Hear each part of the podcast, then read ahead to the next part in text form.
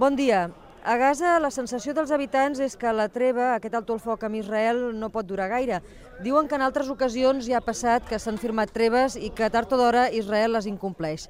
De moment, els incidents que hi va haver ahir, que es van saldar amb un mort i una vintena llarga de ferits, no s'han traduït en un trencament de l'alto el foc. Simplement, les autoritats de Gaza han presentat una queixa formal davant les autoritats egípcies que actuen de mitjanceres entre les dues parts.